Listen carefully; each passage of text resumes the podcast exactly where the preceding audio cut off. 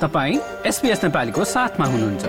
अरू रोचक सामग्रीहरूका लागि SBS dot com dot slash Nepali जानुहोस्। संघीय सरकारले आप्रवासन प्रणालीमा सुधार गर्ने घोषणा गरेसँगै अर्को वर्षको शुरूदेखि अन्तर्राष्ट्रिय विद्यार्थीहरूका लागि अंग्रेजी भाषा आवश्यकताहरू बढ़ने भएको छ। पछिल्लो परिवर्तनमा अस्थायी ग्रेजुएट र विद्यार्थी भिसा आवेदकहरूका लागि अंग्रेजी भाषा परीक्षामा स्कोरिङ आवश्यकताहरूको वृद्धि हुने भएको हो।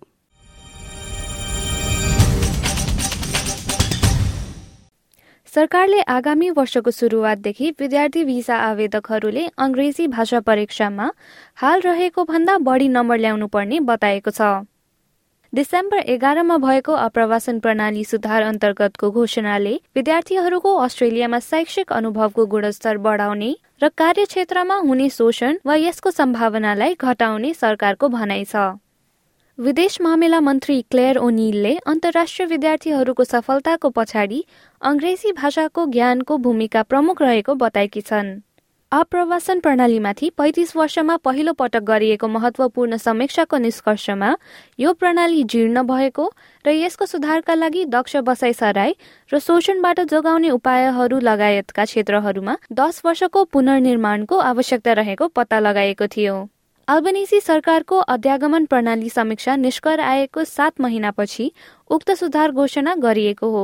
पूर्व पब्लिक सर्भिस चिफ मार्टिन पार्किन्सनको नेतृत्वमा बनाइएको दुई सय पृष्ठको प्रतिवेदनले अस्ट्रेलियालाई स्थायी रूपमा अस्थायी बासिन्दाहरूको राष्ट्र बन्नबाट रोक्न प्रणालीमा ठूलो सुधार ल्याउन र भुक्तानी र शोषण घटाउनका लागि रूपरेखा दिएको थियो।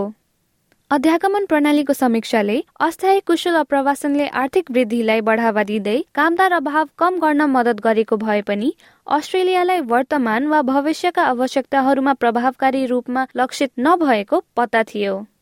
प्रतिवेदनले अध्यागमन सम्बन्धी अड्किएका कामहरू र गृह मामिला विभागमा प्रयोगमा रहेका पुराना प्रवेदहरूले समस्याहरूको गम्भीरता झल्काएको पनि फेला पारेको छ। एघार डिसेम्बरमा सरकारको अप्रवासन रणनीतिबारे घोषणा गरिने प्रधानमन्त्री एल्बनिजीले बताएका थिए What we know is that we need to have a migration system that enables Australia to get the skills that we need, but make sure the system is working in the interests of all Australians. We had a once in a generation review of the migration system by Dr. Martin Parkinson, the former head of the Department of Prime Minister and Cabinet and it found that it was a deliberate decision to neglect the system and that it was so badly broken, according to Mr. Parkinson, it required a 10 year rebuild. Well, we are determined to fix this. अस्ट्रेलियाको सिमानाहरू विदेशी आगमनका लागि पुनः खोलिएको तेह्र महिनापछि सन् दुई हजार तेइस मार्चसम्मको जनसङ्ख्या वृद्धिको एकासी प्रतिशत हिस्सा वैदेशिक आप्रवासनको रहेको छ देशबाट बाहिरिनेको तुलनामा आगमनको संख्या उच्च हुँदा देशको जनसङ्ख्या चार लाख चौरासी हजार चार सयले बढेको छ जसले दुई वर्षको बन्द सिमानापछि अन्तर्राष्ट्रिय विद्यार्थीहरू फर्किएको संकेत गर्छ। तर अन्तर्राष्ट्रिय विद्यार्थीहरू आफ्नै देशतिर फर्कन थालेपछि भने अवस्था पहिलेकै जस्तो हुने अनुमान गरिएको छ। बजेट प्रक्षेपणले यस आर्थिक वर्षको अन्त्यसम्म कुल अस्ट्रेलिया आउने अप्रवासीहरूको संख्यामा गिरावट आए पनि महामारी पूर्वको औसत भन्दा धेरै माथि रहने देखाएको छ। आल्बनिजीका अनुसार संघीय सरकारले अध्यागमनलाई दिगो स्तरमा पुर्याउने लक्ष्य राखेको छ।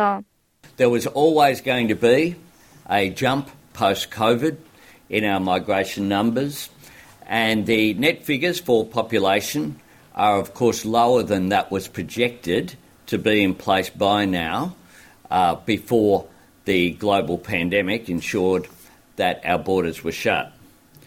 But what we know is that we need to have a migration system that enables Australia to get the skills that we need, but make sure the system is working in the interests of all Australians.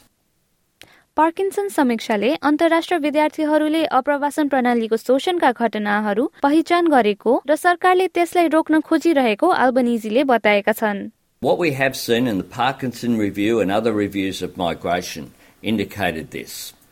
People are coming here, enrolling in uh, courses that don't really add substantially to either their skills base or to uh, the national interest here.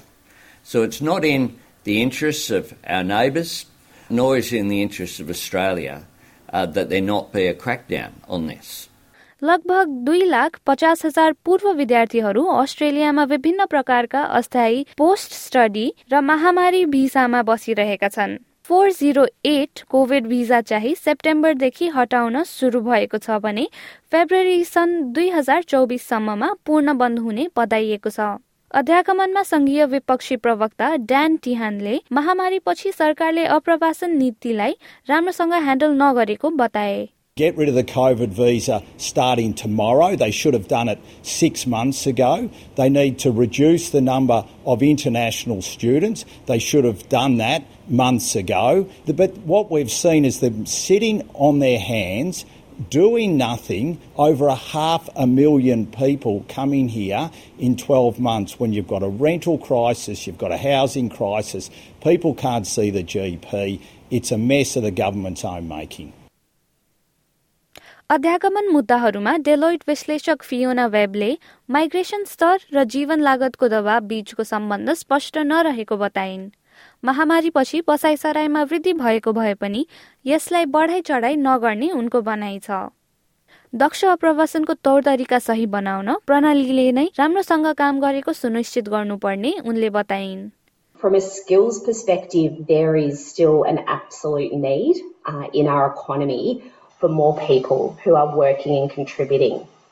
So it, it's difficult to look at migration as one of the factors. Um, it, it definitely plays a part. But the, the overall benefit of migration to Australia in terms of contribution to our workforce also has to be taken into account when we look at this.